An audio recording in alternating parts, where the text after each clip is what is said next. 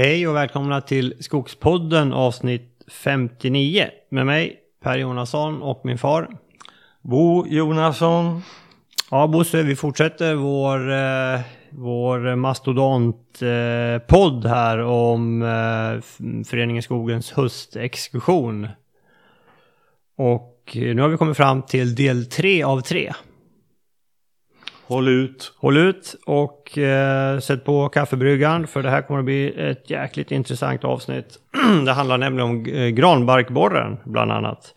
Eh, innan vi hoppar in på det så ska vi tacka vår eh, samarbetspartner Föreningen Skogen. Det är också Föreningen Skogen som arrangerar eh, höstexkursionen och eh, förra veckan så var det alltså den 116 exkursionen som man genomförde.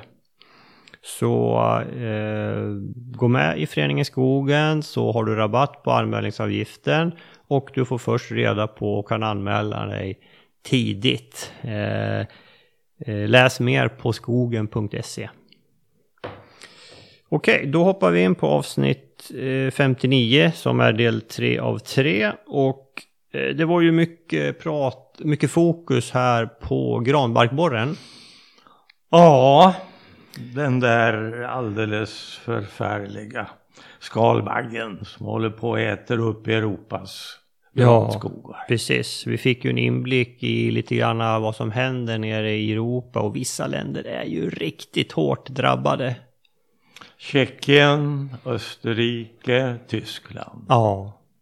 Och vi såg ju även bilder eh, från en, en, deltagare som visade oss där hur, hur ja, det är liksom landskap, stort land, alltså skogslandskap, det är liksom, alla träd är liksom döda. Det ser hemskt ut. Ja. Mm. Så det här är ju en, en, en otäck eh, skalbagge. Så vill vi inte ha det i Sverige. Nej, verkligen inte. Och här är ju Södra gör ju, de är hårt drabbade det området där de har sina medlemmar och jobbar ju naturligtvis stenhårt med det här och eh, ja, vi lärde oss en hel del på det här. Vi, vi börjar med att lyssna på Martin Schröder från SLU som pratar lite grann om granbarkborren i Europa och lite, lite bakgrund. Eh, här kommer Martin. Till eh, Martin Schröder från SLU som då kommer att inleda det här med biologipunkten. Du får presentera dig själv. Varmt välkommen Martin.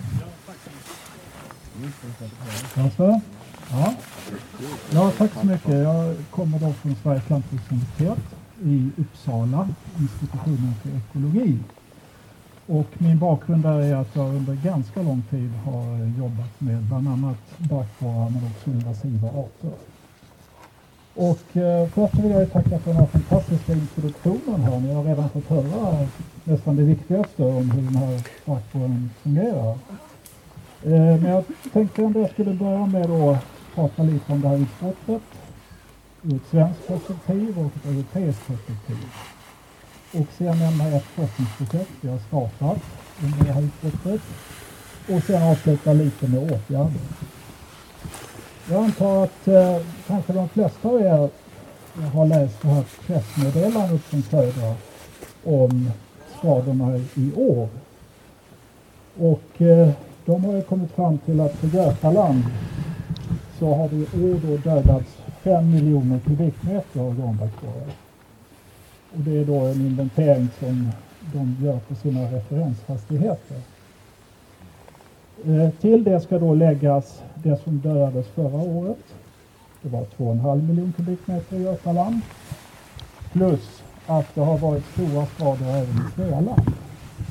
Så lägger man ihop det här så kommer vi upp i cirka kanske 10 miljoner kubikmeter, den storleksordningen. Och det här är då ur ett svenskt perspektiv helt sanslöst stor volym. Eh, så att om vi lägger ihop alla volymer som har dödats under de fem tidiga utbrotten från 1970 och fram till 2017, då landar vi på 11 miljoner kubikmeter. Så bara på två år är vi nu uppe i samma nivå som under 57 år tidigare. Då. Dessutom så är ju inte det här utbrottet slut, utan det kommer ju säkert fortsätta några år till. Då. Eh, om man tittar ut i Europa i övrigt så var ju 2018 också ett extremt varmt och torrt år i Centraleuropa. Så där, om vi tar då kanske de värst drabbade länderna som då är Österrike, Tjeckien och Tyskland. Under 2018 så räknar man med att 30 miljoner kubikmeter dödades där. Och Tjeckien sticker ut. Där uppskattar man att under 2018 så dödades 3% av virkesförrådet av gran. 14 miljoner kubikmeter i deras fall. Så i det perspektivet så har Sverige i alla fall under 2018 klarat sig bättre än vad de här länderna har gjort i Centraleuropa. Så att eh, jag trodde ju aldrig liksom att jag skulle få uppleva de här volymerna. Trots att jag hade varit länge i branschen, men det här var totalt överraskande. Och då kan man ju fråga sig, hur kunde det då bli så? Och det är ju sommaren 2018 som är den stora boven då.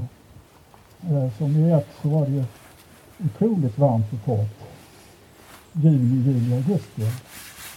Och det var ju det extremaste på många platser som man har uppmätt sedan mätningarna startade på 1800-talet. Så att det var ju också en helt unik sommar då. Och eh, det som hände 2018, det var ju då förstås att granarna stressades väldigt svårt av den här torkan. Eh, och det innebär ju då att, att det fanns ett överflöd av lättåtkomligt förökningsmaterial för barkborrarna. De behöver inte vara lika många som de vanligtvis måste vara för att kunna ta livet av en, av en gran, en levande gran. Dessutom så gjorde då de här höga temperaturerna att eh, utvecklingen gick snabbt. Så att den nya generationen var färdig kanske två, tre veckor tidigare än vad de har varit i år. Då. Och då valde en ganska stor andel av dem faktiskt att föröka sig samma år så att vi fick en andra generation. Det är ju något som är vanligt i Centraleuropa, att man har två generationer. Men här är vi oftast, oftast har vi inte någon större andel som väljer att flyga så sent på säsongen. Och då var ju granarna förstås extremt torkstressade. Då är vi inne i juni. Sen eh, 2019, eh, då gick vi in i 2019 med en kraftigt förhöjd population av granbarkborrar. Så att vi räknar med att det kanske var tre gånger så många granbarkborrar våren eh, 2019 som det var som de vaktbara som dödade träden 2018. Och sen var det förmodligen så att träden fortfarande var ganska eh, påverkade av det som hände 2018. Det där är väldigt svårt att mäta vitalitet på träd. Eh, men det får vi anta att det var och därför så blev det då som det blev. Att vi fick, som det verkar nu, en fördubbling av skadorna i år. Så då, eh, då kan man ju fråga sig, är det här den nya verkligheten? Är det så här det ska vara i framtiden? Eh, och, och, det är ju ingen som riktigt kan svara på säkert förstås. Eh, men ska man tro på vad klimatforskarna säger så får man väl svara delvis på den frågan. Jag vet inte om ni lyssnade på eh, Mikael Tjärnström som var klimatforskare som sommarpratade. Annars kan jag rekommendera det, jag tycker det var väldigt bra. Eh, han menade att det som hände 2018, det hade inte kunnat hända om vi inte redan, eh, ja, i och med att vi har den klimatförändring som vi redan har upplevt. Utan den så hade det inte kunnat bli så extremt som det blev 2018. Han menar att fortfarande så var det osannolikt att det skulle inträffa. Men han sa också att eh, vi får räkna med att i seklets slut då kommer det vara kanske fem eller tio gånger vanligare att vi har den här typen av extrema händelser. Och de här klimatmodellerna de förutsäger också att framförallt sydöstra Sverige kommer att drabbas av torka i ökad utsträckning. Så att det finns all anledning tror jag för skogsbruket att eh, verkligen eh, tänka på granbarkborren när man anlägger bestånd och sköter skogen, skulle jag säga. Så nu eh, tänkte jag då gå över till eh, prata lite om ett forskningsprojekt som vi precis har startat. Eh, och det handlar då om eh, att förbättra möjligheten att förutsäga var i landskapet som vi får granbarkborreangrepp. Om vi tänker oss att det här då eh, har varit ett granbarkborreangrepp i den här luckan, varför inträffade det just här då? Eh, för att göra den här typen av studier då vill man ha detaljerad kunskap om bestånden. Eh, man vill veta om de blev angripna eller inte av granbarkborre. Man vill veta någonting om markförhållandena, om ståndorten. Och det är förstås en jättestor utmaning att få den informationen för väldigt många bestånd med och utan granbarkborreangrepp. Eh, och då tänker vi, har vi startat ett projekt där vi använder en ny metod och det är att använda skördardata. Så att om man tänker sig att en skördare har varit här och huggit ner granbarkborreangripna träd. Då har vi ju då positionen. Skördaren har ju en GPS. kan vi då använda när vi tittar på andra eh, skikt som kanske maktskicklighet och markförhållanden. Att det finns nationella grisskikt över det. Dessutom är det väl ofta så att skördaren tar inte bara den här granbarkborredödade träden utan den tar, är tvungen också att ta en del av de andra träden som finns i beståndet. Så då får vi väldigt fina data på trädslag, är det tall, är det björk och hur mycket gran är det som är angripen och inte angripen. Så de här, ett antal då södra har sedan förra hösten då registrerat barkborredödade träd. Så det har rullat på. Vi samlar på oss ett ganska stort datamaterial då, som vi sen ska analysera och se om vi kan se några mönster.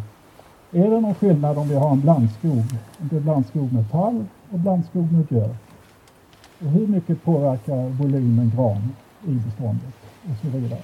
Hur, hur är det med markfuktigheten? Efter den här torra sommaren var det framför allt torra marker som drabbades av granbarkborreangrepp.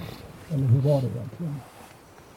Och det här är då ett samarbete då förstås med Södra, SLU och Skogforsk. Eh, och det sista vi behöver här nu det är ett positivt besked på en ansökan jag har skickat till Formas eh, för att få pengar till att anställa en person och göra analysen av det här stora materialet. Så det här tycker jag är väldigt spännande. Jag tror att det är första gången man använder skördardata när det gäller skadeinsekter. Så stora möjligheter i framtiden att kunna göra det här kanske på ett ännu bättre sätt. Slutligen då, lite om åtgärder mot granbarkborren, vilket förstås är jätteintressant. Då. då vill jag börja med att nämna en lycklig omständighet, något positivt här. Och det är att granbarkborren är inte anpassad till att angripa och föröka sig i vitala träd. Ska de göra det, då måste de vara väldigt många Eh, och det innebär också att det blir ganska dålig förökningsframgång för då konkurrerar de med varandra i träden. Och dessutom är det så då att många barkborrar kommer misslyckas med sina angrepp. Att på många platser kommer de inte vara tillräckligt många. Det är det som är förklaringen till att granbarkborreutbrott i Sverige de slutar långt innan granskogen är slut. Så det är ju väldigt positivt faktiskt.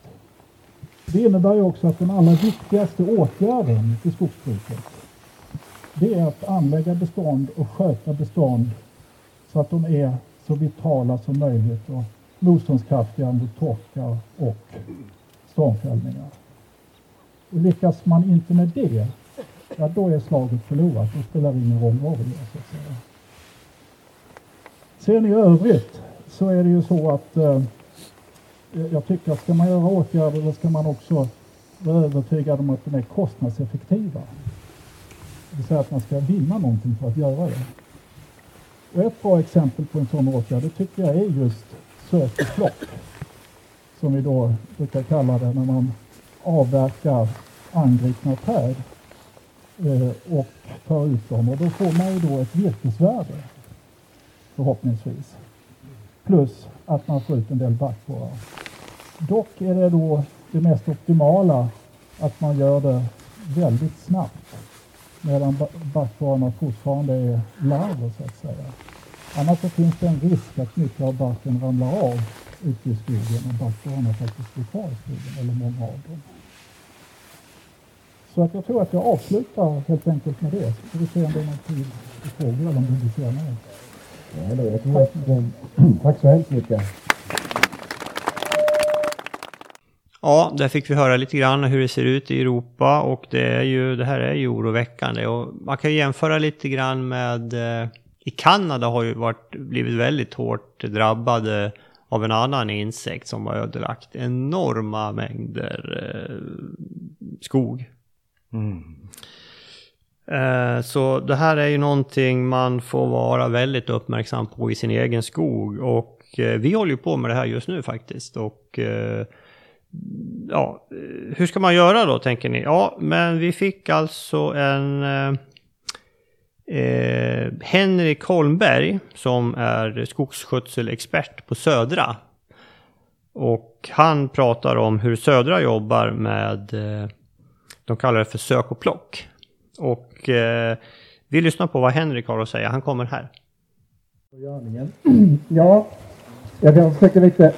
Har ni säkert massa olika ingångar här, hur mycket ni vet och kan om granbarkborre och granbarkborrens utveckling och biologi. Jag tänkte vi kör bara en kort, eh, en kort genomgång av vad som hände från våren 2018 och fram till idag. Eh, för att eh, liksom sätta lite liksom bilden av varför är vi där vi är idag. Eh, och det började egentligen 2018 då eh, med en vanlig samling i maj månad. Inga konstigheter. Eh, det som var konstigt redan i maj 2018 var att det var 30 grader varmt hela maj. Eh, och det gjorde att vi redan här i faktiskt i slutet på juni månad hade den nya generationen färdig. Kunde vi se i en del övervakningsfällor att vi fick nya ljusa baggar i fällorna. Alldeles exceptionellt med så pass sen svärmning och så snabbt nya vaggar, en ny generation. När vi började ramla tillbaka från semestrarna, eller mitt i semestrarna, så började det komma signaler från vår fältpersonal om jättestora skador och stora angrepp. Eh, framförallt i våra sydöstra delar, Blekinge, södra delen av Kalmar län. Eh, och eh, vi drog igång egentligen mycket av det här arbetet och började att eh, identifiera och hitta nya skador. Stora områden faktiskt som var skadade eh, redan då. Eh, Sen upplevde vi faktiskt att det här fortsatte, eh, som det markeras här då. Eh, augusti, september, man upptäckte nya skador, nytt borrmjöl, eh, kändes som angreppen fortsatte. Matti var inne på det här med andra generationen, men frågan är om inte det var till och med så att en del av den andra generationen lyckades skapa en tredje generation som, som lyckades att svärma. Eh, långt ifrån hela populationen, men delar av populationen säkert. Och vi har faktiskt till och med bekräftade uppgifter om att man hittar borrmjöl ända fram, nytt borrmjöl ända fram nästan i, i älgjaktstider. Så det liksom, och det var ju, ni vet, i förra, förra hösten, september, då behövde vi inte frysa, det stod här. Det var ju nästan 30 grader varmt september med. Um, så att mycket nya skador, mycket nya angrepp. Eh, vi gjorde då ett antal inventeringar eh, och försökte identifiera hur mycket skador vi har, hur mycket skog har skadats.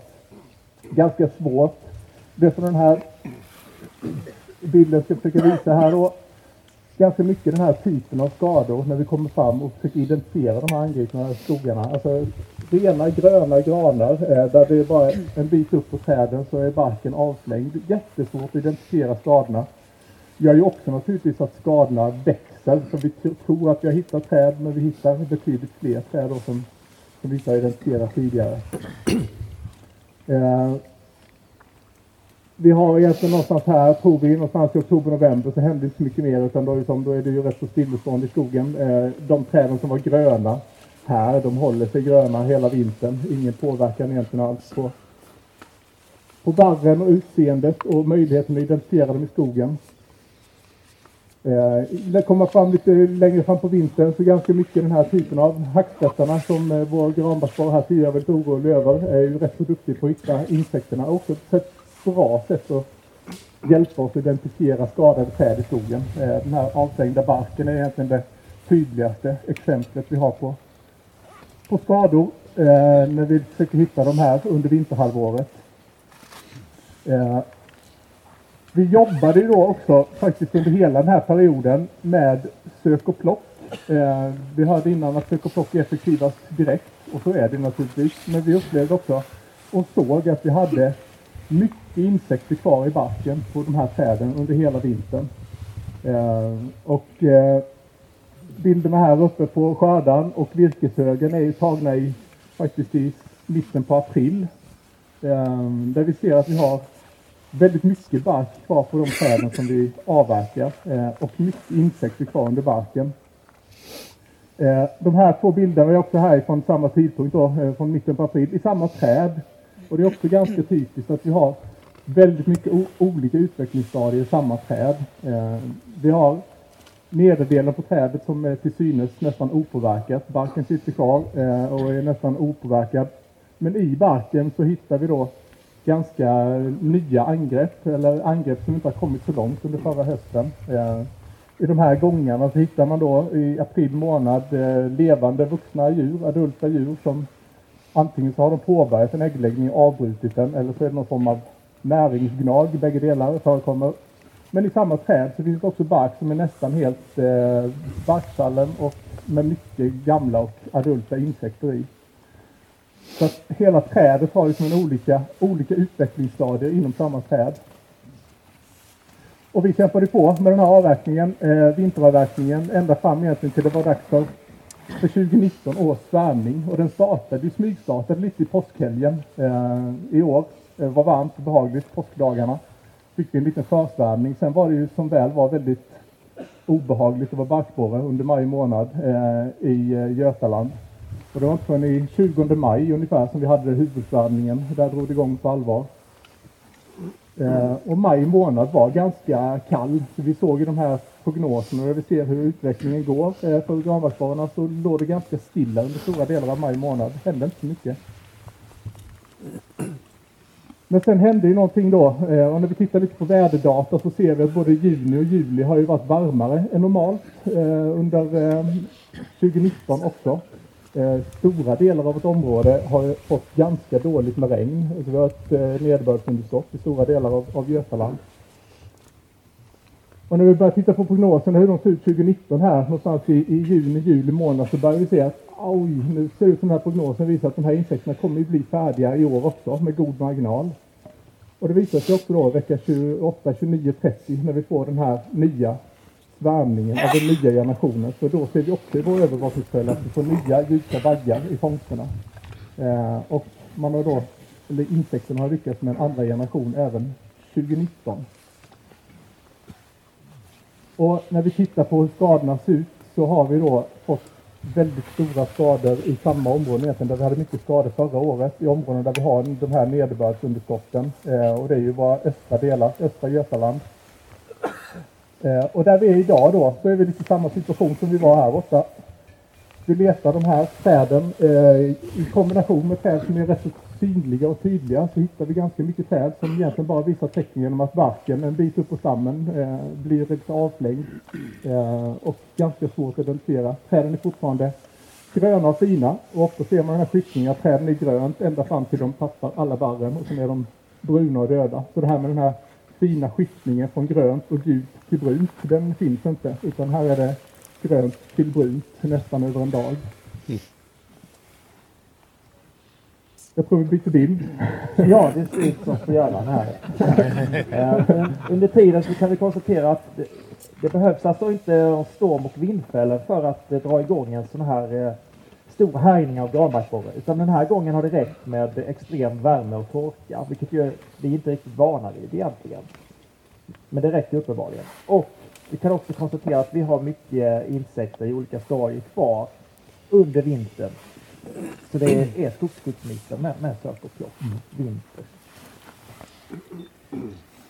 Ja, lite då om eh, vårt arbete utöver det här vanliga tråkiga jobbet med leta efter skador, avverka skadade träd, eh, ställa om industrin så att den kan ta emot råvara som är annorlunda än den vi brukar hantera.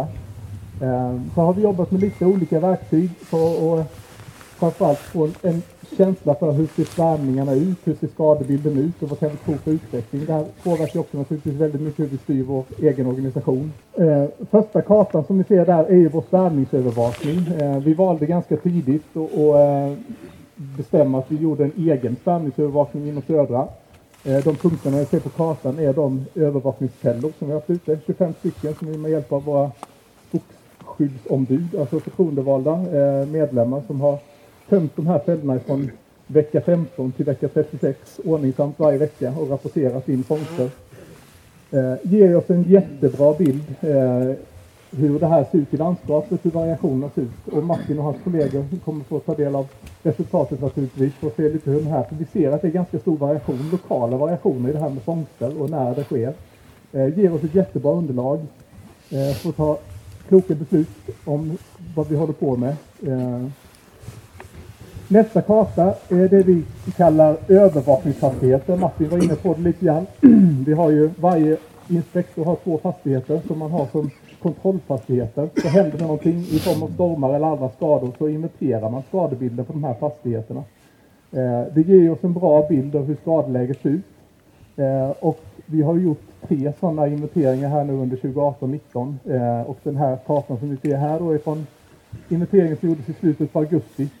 Och ni ser även på långt håll färgskiftningarna, ungefär hur de ser ut. Eh, och de skiljer inte jättemycket från de här kartorna och skadebilderna som vi tog fram 2018. Däremot så är ju snäppet upp då ungefär två gånger. Eh, och vi har de allra flesta områden faktiskt, även de som är vita på kartan här uppvisar eh, ibland fördubblade, ibland tredubblade skador i förhållande till hur det såg ut förra året. Eh, men det som sticker ut är naturligtvis de här östra delarna eh, och mellan sjöarna där vi har mycket skador. Och det här är ju en övervakning som vi gör ju den när, vi, när, vi sker, när det sker skador och det är stora grejer. Men det här är ju också en sån här övervakning som man hemskt gärna hade sett att den, den löpte på för jämnan. För nu är det granbarkborre, nästa år är det kanske någonting annat. Ett tredje år så är det ingenting. Men då är det också bra att veta hur ser skadebilderna ut löpande över, över vår skogsmark. Vi, vi gjorde också i en av de här uppföljningarna, gjorde vi tillsammans med Skogsstyrelsen i slutet på oktober eh, förra året. Så vi har en, en gemensam bild där och det finns ett stort värde i det. Vi vet inte hur krångligt det är om vi kommer ut med olika siffror. Vi tycker att vi har 5 miljoner, Skogsstyrelsen tycker att vi har 10 miljoner skadad skog. Den blir rätt svår att kommunicera. Så att det här att vi har en gemensam bild är också värdefullt. De här två kartorna beskriver också det Martin har varit inne lite på. Det här med resultatet ifrån våra skördar, eh, noteringar av skadade träd. Och det här är ju en output vi kan använda det till. Att skördarföraren markerar att nu tar jag skadat träd. Det Det ger oss en bild. I det här fallet talar det om hur stor andel av de träden vi hugger är skadad skog.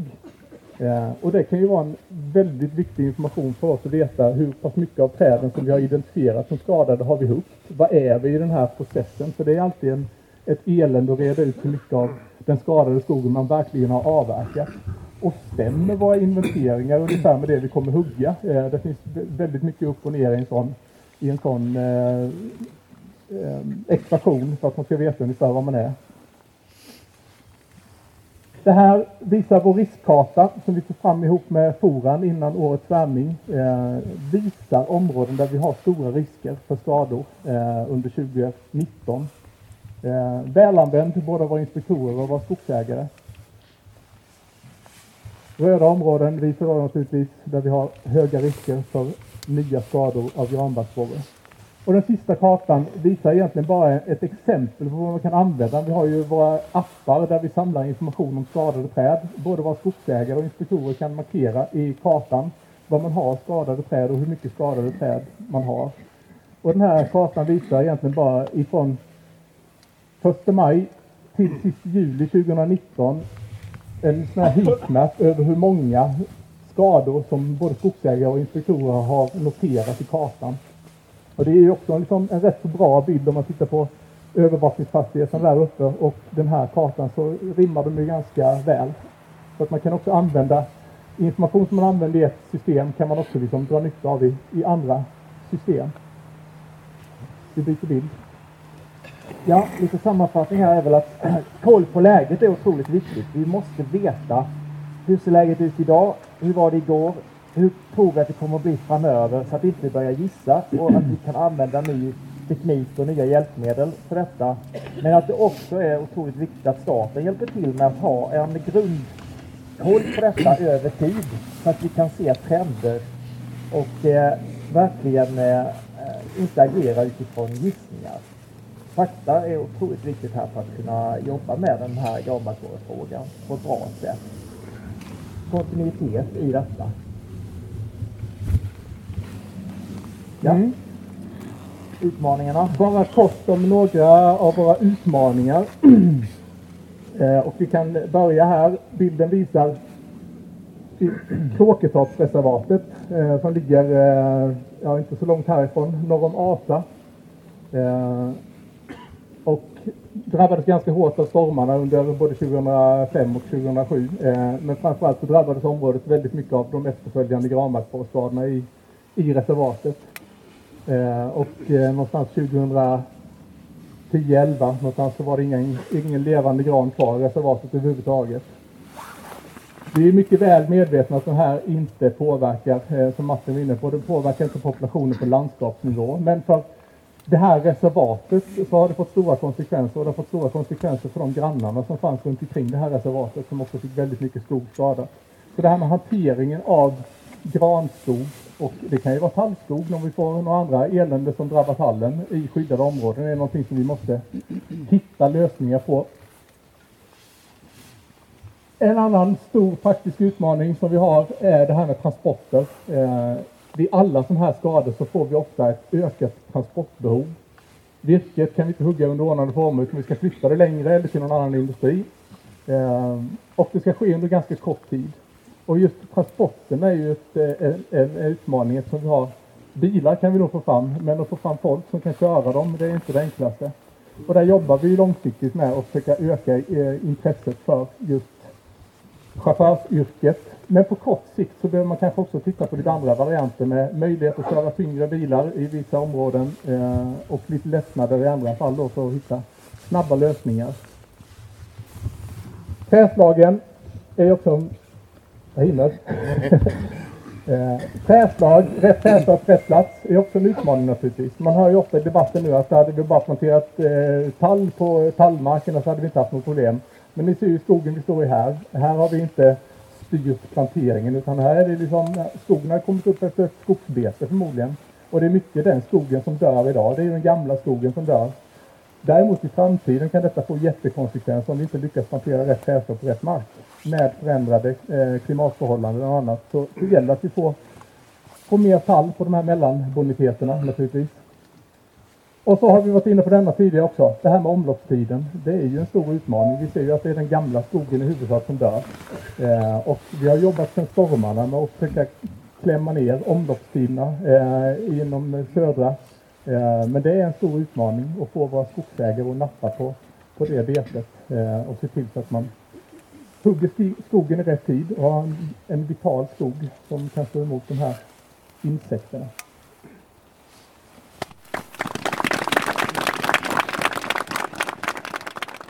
Ja, där fick ni höra Henrik, hur han berättade om, om, om deras arbete och eh, det här är ju någonting att verkligen ta till sig.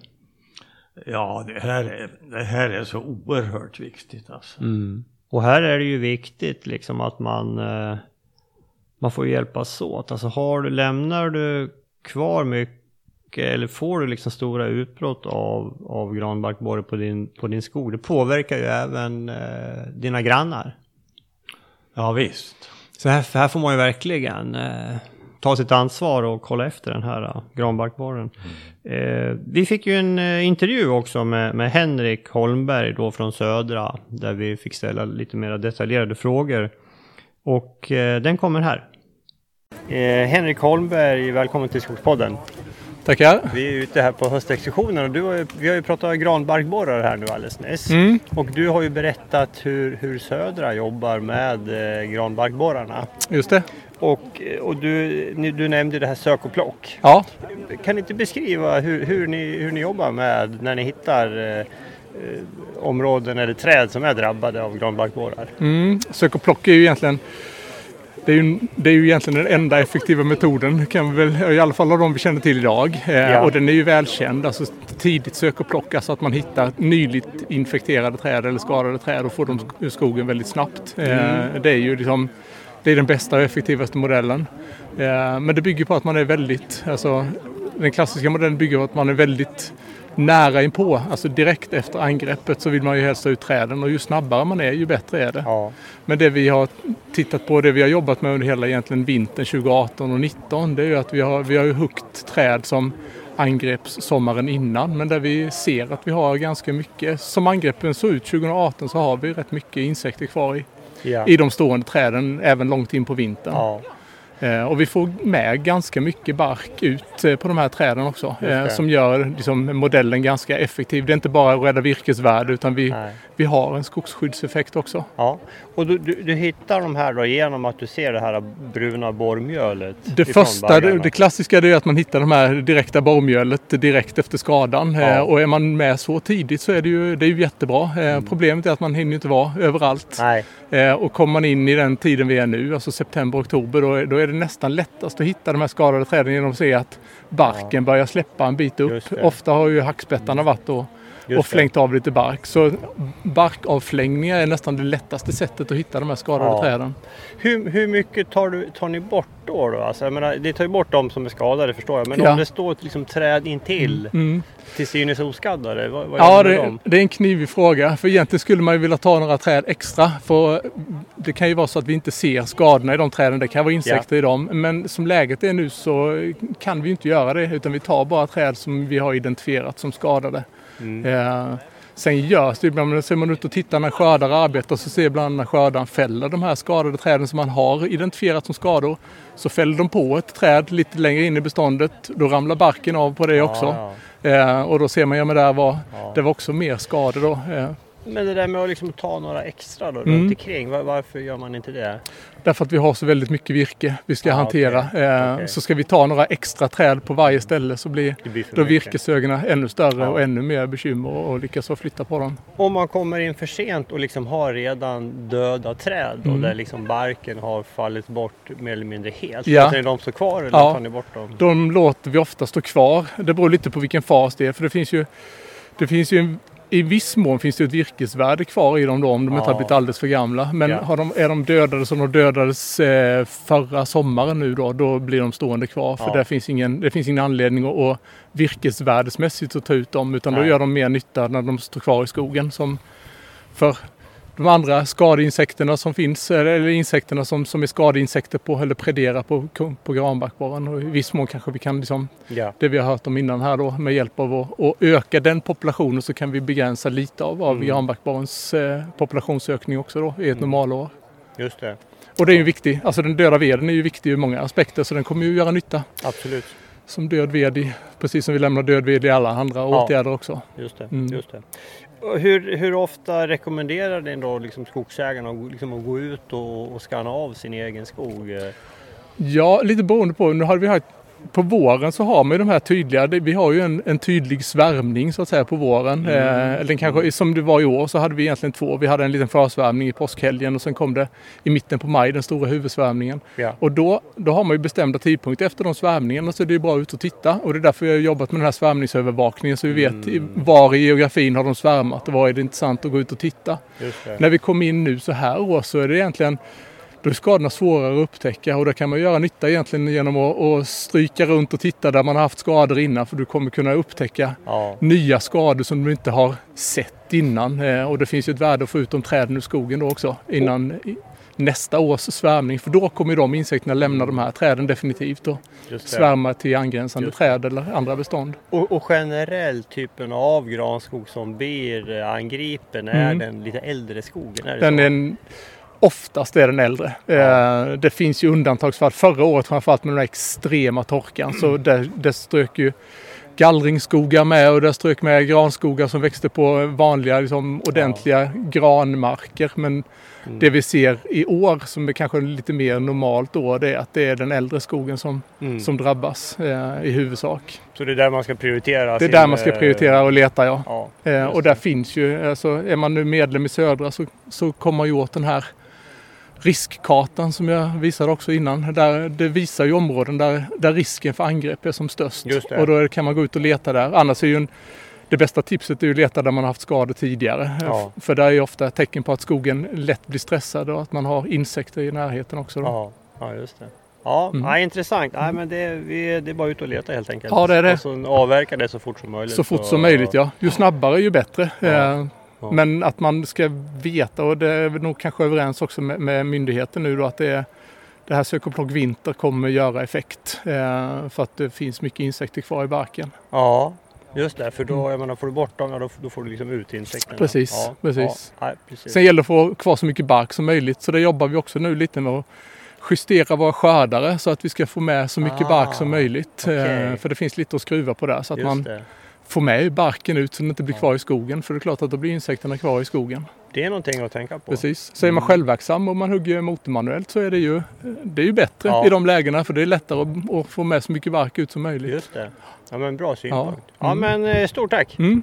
Okej, finemang. Ja, där, där har vi ju ganska hands-on hur, hur Södra jobbar och hur man själv kan tänka då. Och det är ju precis, vi håller på med det här just nu Bosse. Vi går ut, vi märker på de träd som ska bort och ja, drar vägar också då för maskinerna för att gå in och ta det här. Så det här är ju något, ett arbete som som vi kommer att fortsätta med naturligtvis och planera att göra en, en, eh, en avverkning på det här då eh, ganska snart.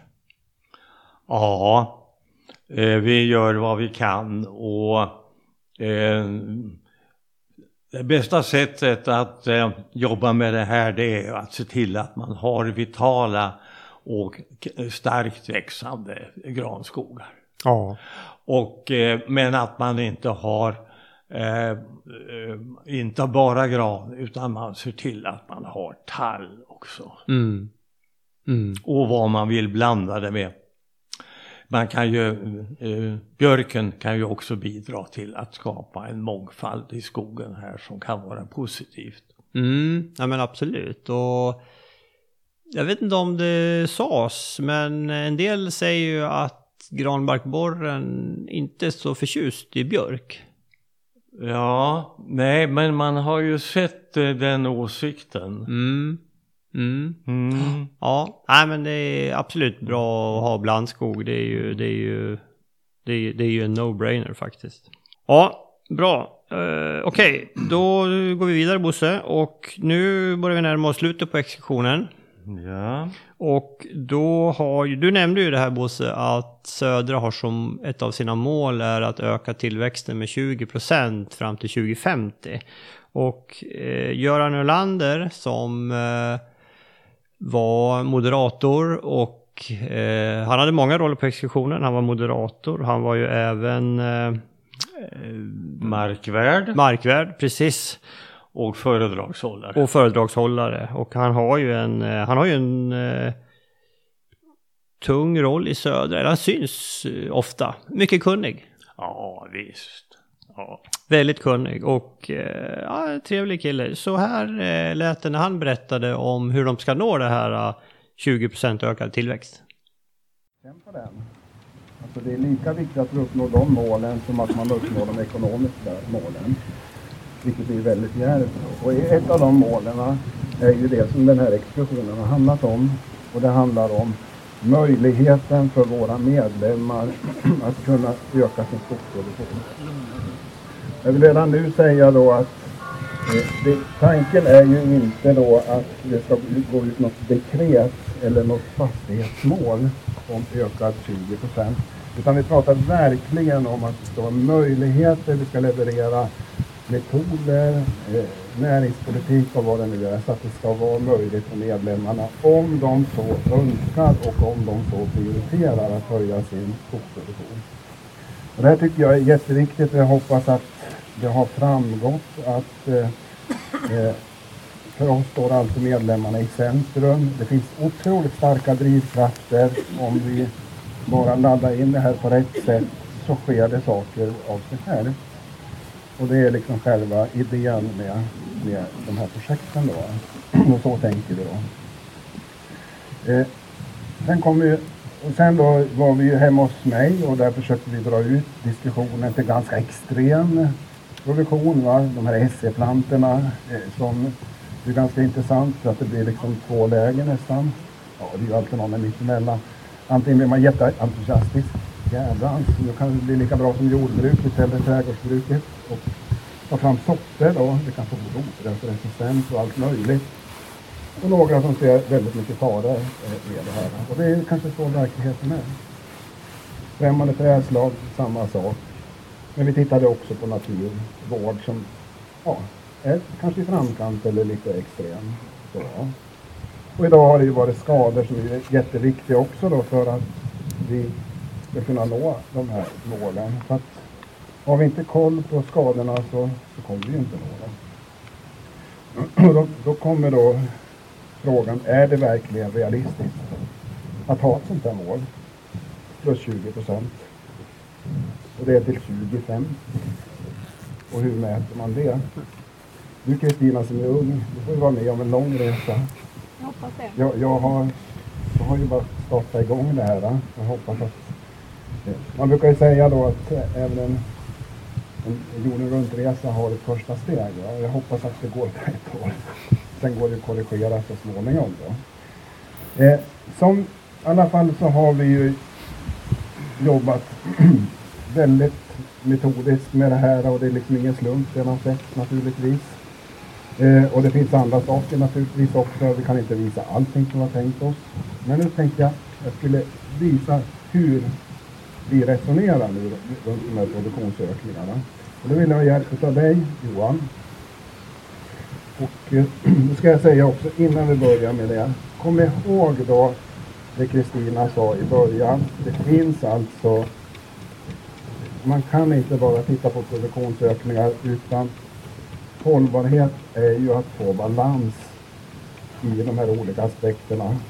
Vi har ju varit uppe, har varit uppe rätt mycket miljöfrågor.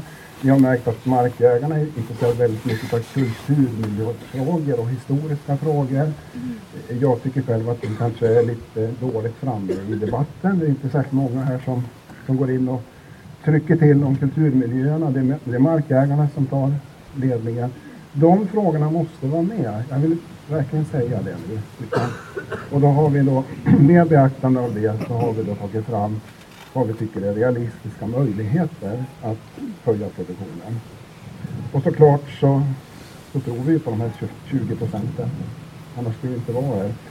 Och då börjar vi lite grann, Johan, du får hjälpa mig här. Vi tar de gröna. Eh, och eh, de här gröna, de kallar vi då för effektiv skogsskötsel. Och det handlar om att göra saker som vi ändå gör fast göra dem bättre. Eh, det första handlar om bättre föryngringar.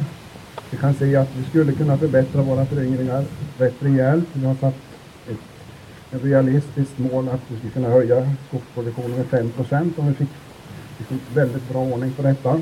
Teoretiskt skulle det kunna vara 10 procent med 5 procentenheter då. Eh, bättre ungskog. Det handlar om att vi ska röja skogen. Det har vi inte pratat så mycket om, men det är ju jättetjockt. Vissa scener där. Eh, gallra skogen på ett bättre sätt och där handlar det ju då, man kan inte höja, oftast kan man inte höja tillväxten med gallring, men eh, man kan undvika skador och man kan göra det på ett bättre sätt. Och då har vi eh, två procentenheter till där och sen jag vet inte om det var någon som såg det där diket som vi gick över på hygget när vi tittade på de här esseplantorna. Eh, vi ser då att eh, dikesrensning och skyddsdikning är också en viktig grej. Då har vi det första paketet, effektiv skogsskötsel. Det är det gröna. Jag ska säga också det där är en eh, trissa av asp. Det ska bli lite balans här. Eh, då tar vi upp de gula som jag tror att kan väcka lite debatt då. Eh, och den första handlar då om askåterföring. Det är ett projekt som vi tror mycket på på Södra. Eh, det handlar väldigt mycket om att undvika produktionsförluster men vi ser också att vi kan öka produktionen. 2 procentenheter.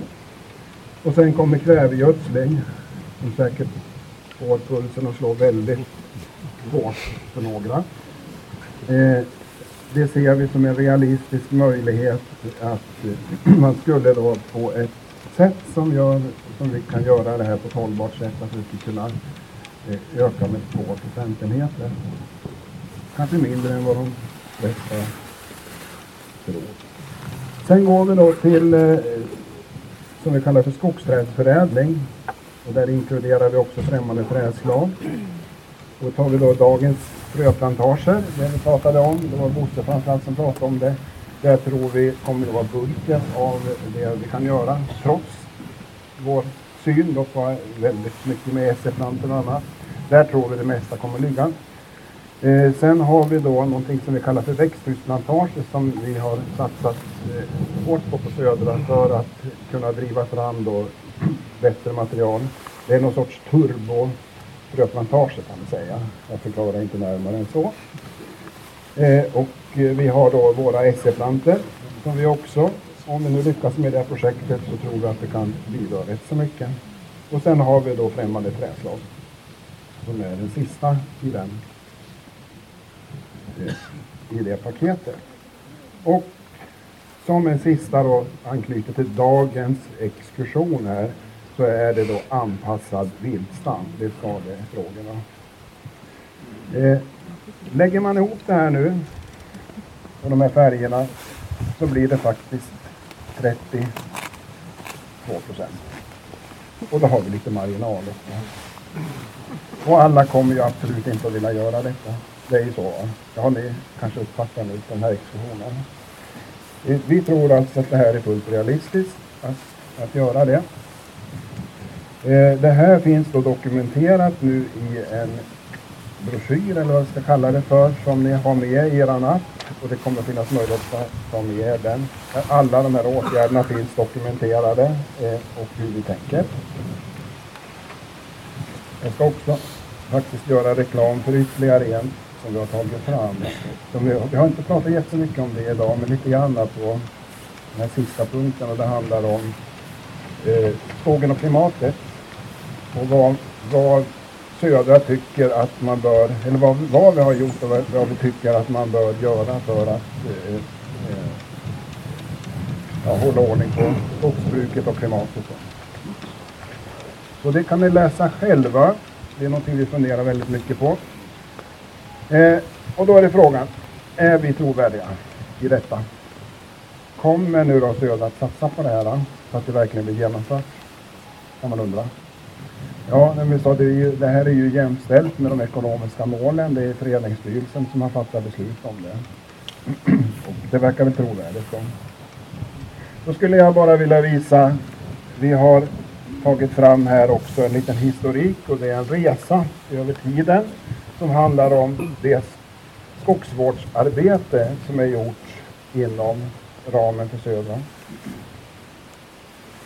Eh, och eh, här finns väldigt många olika grejer. Det börjar längst där borta eh, på 90-talet.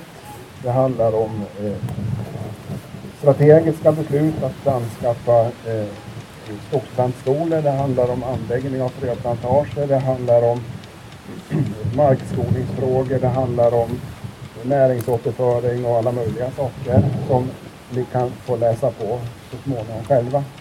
Men poängen med detta det är att för att man ska hålla igång och få, få en utveckling på det här så måste man göra en massa åtgärder.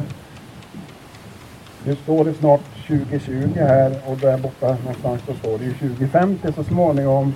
Och det blir ju liksom upp till de som jobbar i det här att fylla det här med nya åtgärder.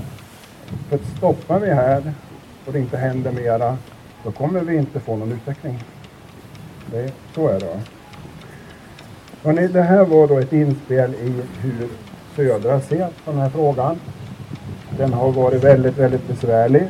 I nationella skogsprogrammet som bestod av fyra delar så kom vi ganska bra överens i tre av de här delarna. Den fjärde delen som handlade om hållbar skogsproduktion. Dödens grupp som du sa Herman, du satt där en gång i tiden. Eh, och Eh, vi har inte kommit överens om vad hållbart skogsbruk är eller hur vi kan bruka skogen och vad som är vettigt i framtiden.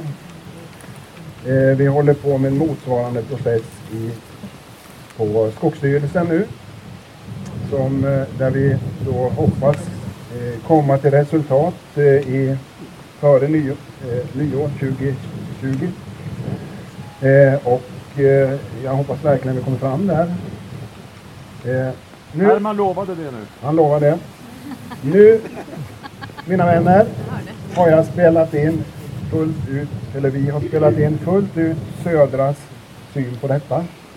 Eh, nu får man ta det eller skippa det, vilket man vill. Men det här är vårt skogspolitiska inspel. Vi har visat nu hur vi tycker att vi skulle kunna bidra till att öka skogsproduktionen med på ett hållbart sätt. Så därmed tackar jag för mig. Ja, det var en liten, liten sammanfattning också eh, av, av Södras arbete. De visade upp det väldigt imponerande. De hade gjort en eh, längs eh, fasaden på det här stora tältet där vi åt middagen ute så hade de liksom gjort upp en, en tidsaxel och skrivit in ja, de här större åtgärderna som de hade gjort eh, i, kronologisk ordning då för att liksom utveckla skogsägandet inom Södra. Det, ja, det, man, får se, man får vara lite imponerad av Södra tycker jag.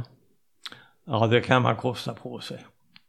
De, de, det känns som att de ligger, eh, jag ska inte säga att de, att de ligger i framkant, de kanske till och med leder liksom utvecklingen när det gäller de här skogsägarorganisationerna i Sverige. Ja, alltså i, i kraft av sin stora, medlem, stora medlemskader och sin starka ekonomi. Mm. För de har ju en strålande fin eh, industrirörelse också. Ja, Ehm, eh, deras, eh, deras massafabriker, de är, de är stora. De är Mm. jättestora. Alltså. ja. Och de har ju valt då att liksom investera i kunskap och utbildning och anställa bra människor som jobbar med de här grejerna. Så de har ju, det känns som de, de har ju ett långsiktigt eh, tänk. Jaha, verkligen. Mm. Ja men kul. Det är till och med så att vi får överväga om vi skulle bli medlemmar här i Ja. vår fastighet i Vimmerbyområdet. Ja. För det är vi inte idag. Ja, det tål att fundera på. Jag får prata med mina systrar om det här. Eh, det är inte slut än. Vi fick en intervju också med Göran Ölander. Där vi sammanfattar hela eh, exkursionen och eh, så här lät det då. Göran Ölander, nu har vi precis avslutat höstexkursionen 2019 där Södra har varit markvärd.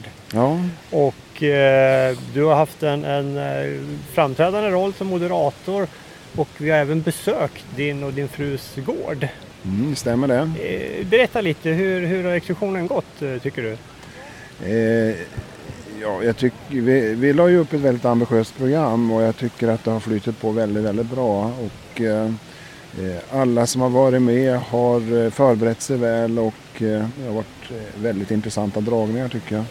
Sen måste jag säga också att det, det, det här är ju liksom kärnan i skogsproduktionen och ägandet och det är ju så viktigt att vi faktiskt diskuterar de här frågorna. Har det kommit upp någonting under exkursionen som, som du inte hade väntat dig? Några reaktioner från deltagarna eller politiker? Eh, Jag blev ju faktiskt förvånad över det eh, liksom entydiga svaret från politikerna när det gällde eh, granbarkborren och härjningarna inne i, i skyddade områden. Det trodde jag inte det fanns en sån politisk enighet. Den är ju, det är ju så, den, det här är ju inte en jätteviktig fråga för en härjning hur den uppstår, men den är jätteviktig för de markägare som har sin mark runt omkring och inte minst de markägare som ska upplåta mark som reservat. För de blir ju livrädda ifall, även om de får ersättning för ett reservat, om det då sen innebär då en, en stor fara för deras egendom så blir det ju eh, hopplöst fall helt enkelt. Då. Så det, det, det förvånar mig eh, väldigt. Sen är det, kan man säga, de, många av de reaktioner som har kommit, de har väl varit förväntade. Ja, just det. Ja. Jag kanske blev lite förvånad över att det blev, det blev inte mer diskussion kring viltskador än, än, än vad det har varit eh, ändå. Vi tittade ändå på ett Ja. område som var väldigt drabbat. Eh, Det kan ha lite grann att göra med upplägget kanske på exkursionen för vi, vi tog ju liksom problematiken och så sen så tog vi ett antal lösningar så att jag tror att många eh, blev förhoppningsfulla. Mm, Eh, Och det. Ni kör ju ett projekt där nu, Södra. som Ja, vi, har, vi är egentligen med i två projekt. Det ena är det som heter Mera tall. Och sen har vi då kopplat på ett eget projekt som vi kallar för Kraftsamling tall. Som jobbar i samma anda kan man säga. Just det. Ja. Just det. Ja. Annars har det varit mycket fokus på ökad tillväxt Ja. och naturvärden i, i, i, samma veva. Ja. Just den ökade tillväxten, där har ni ett, ett, ett, ett mål på att öka tillväxten med 20 procent till, till 2050. Ja, och precis som jag sa nu då, på sista punkten så eh, Alltså det är ju ingen kommandoekonomi en skogsägarförening Nej. som du förstår utan eh, vi vill ju skapa möjligheter så att om man så önskar så ska det finnas möjligheter. Om man då tänker på viltfrågan om man vill satsa på tall och det inte går att få upp tall då kan man ju inte nå målen. Och det handlar ju mycket om forskning och utveckling för vår del och att vi sätter in forskningsresurser så vi får fram bättre plantmaterial och, och mera kunskap så, som vi då kan förmedla till medlemmarna. Och tycker de att de vill och det finns ekonomi i det, det är väldigt viktigt att det är ekonomi i det, eh, då kommer ju ganska många att eh, tycka det är en bra idé. Mm. Det är så vi tänker. Men, men jag skulle också vilja säga då, det har ju framgått ganska tydligt här att drivkrafterna från markägarna det är ju ofta i förvaltarskapet. Mm. Man vill föra något vidare och man är väldigt, väldigt mån om sin närmiljö. Och eh, jag menar det finns inget egenvärde i att producera pengar ur en skog utan man vill ju använda det till någonting då. Och ofta så är ju det någonting som är väldigt bra för ja, närmiljö och naturmiljö och kulturmiljö. Och därför menar jag att eh, man måste värna eh, liksom ägandet och se till att man har en levande landsbygd för då får man så himla mycket gratis. Ja. Och det har, det har ju ni visat väldigt bra här i, under exkursionen tycker jag. Vi har varit på tre gårdar, all mat och har varit väldigt Ja. lokal och, och väldigt fan, fin miljö. Vi är ju Ja. precis bredvid sjön eh, Rusken här. Ja. Väldigt trevlig miljö. Eller vad säger du Bosse? Ja, det är så fint alltihopa och jag är ju säker på att eh, du känner Göran det här att det är en väldigt positiv inställning bland alla deltagare här. Ja. Och som har uppskattat det här väldigt innehållsrika programmet. Alltså. Ja, ja, ja. Med väldigt intressanta eh, frågor och de här brännande högaktuella frågorna både om viltskador och om, om granbarkborre. Ja. Ett annat inspel som jag skulle kunna ha det är ju, ja när jag har varit hemma på vår fastighet och jag, jag har ju haft lyckan att, ja, att komma till här då och eh, utveckla det. eh, Och det är så otroligt värdefullt. Jag, menar, jag har ju jobbat som forskare, som skogstjänsteman. Att ha liksom det i bakgrunden och liksom känna på faktiskt med musklerna till och med. Eh, och bli ledsen om det blir angripna eh, plantor eller angripen skog. Så att man liksom fattar vad skogsbrukande är för någonting. För jag upplever kanske att det är många som, som eh, ser det på ett väldigt teoretiskt plan idag. Ja. Och då, och då är det speciellt den här knytningen till många ägarfamiljer som berättar att ja, det här är sjätte, sjunde Ja. generationen som driver gården. Då blir det ju väldigt konkret att det här ska pågå hållbart under lång tid. Ja. Nej, det känns ju, och det har ni märkt också, då, att ja, men, när man är på sjunde generationen och så sen är man lite osäker om eh, hur det ska gå framåt så det är klart att det känns eh, då naturligtvis. Va? Det, och det är ju det här som vi kallar för förvaltarskap då. Som tyvärr ofta eh, missförstås för när man tror att förvaltarskapet är någonting annat än ekonomin kanske i skogsbruket. Att det är något Ja. helt annat men det behövs ju för annars kan man inte föra det här arvet vidare. Nej. Så att eh, det hänger ihop alltså. Här, va? Och det, det är väl en, ett medskick också. Ja. Att, eh, man kan inte se sånt här i stuprör, vilket man ofta gör. Att man tittar kanske på något reservat eller någon, någon enskild yta med någon viss skog. Och det, en gård är en gård och det hänger ihop alltihopa. Ja. Jag tycker också att eh, Södra Skogsägarna är värda en, en applåd här, en hyllning. Eh, för det företag ni är alltså. Med engagerade skogsägare och en fantastisk industridel. Ja, Mm. Ja, Det- mycket imponerande. Mm. det, det, det är faktiskt, det märker man ju då som skogs... Jag, jag är ju på skogsdelen då men vilken styrka det är att ha en, en industri som faktiskt vi kan resonera med. Och att vi, har, vi går ända från skogsägaren och ända mot kunden. Och, och att vi har i princip allting i samma organisation. Ja. Det är en stor, stor fördel. Bra. Nej men eh, det där får vi avsluta Ja. intervjun tror jag. Eh, Du ska, många som vill tacka dig Göran så vi ska släppa dig och vi ska åka iväg med bussarna. Stort Ja. tack Göran! Ja, och eh, lycklig resa hemåt och lycka till med ert eget skogsbruk. Ja men tack så mycket! Ja. vi får be om ursäkt lite grann för eh, lite taskigt ljud och det beror på att det var mitt fel. Vi ställde oss, vi sprang undan lite grann där för, att få vara lite i fred och då hamnar vi under ett par jättestora aspar. Så det, det är asplöven som ni hör liksom i bakgrunden för det blåste ganska kraftigt. Så här. Men jag hoppas ni kan höra vad, vad Göran säger för eh, ja, men det var en intressant sammanfattning tycker jag och det är ju som vi tidigare sa, mycket lärorik eh, exkursion. Ja, man kan framhålla det att, att, att det här är alltså information på högsta nivå. Eh, en, maken till, till eh, information, det får, man, det får man leta efter. Och eh, bland annat så ingick det i det här eh, riktigt stora anslagstavlor Eh, där det var läsbart allt som stod där på långt håll. Mm. Mm. Så det var inte så att man stod där och kisade med kikare eller med, några andra hjälpmedel. Utan det här, det här gick fram utan svårighet till alla som ville lyssna. Ja, det gjorde det. Och alla ville lyssna som var där. Ja. Ja. Och väldigt eh, kvalificerade forskare med och eh, både från Skogforsk och Sweetree och från SLU och, Mm. och många eh, duktiga medarbetare från Södra också. Ja.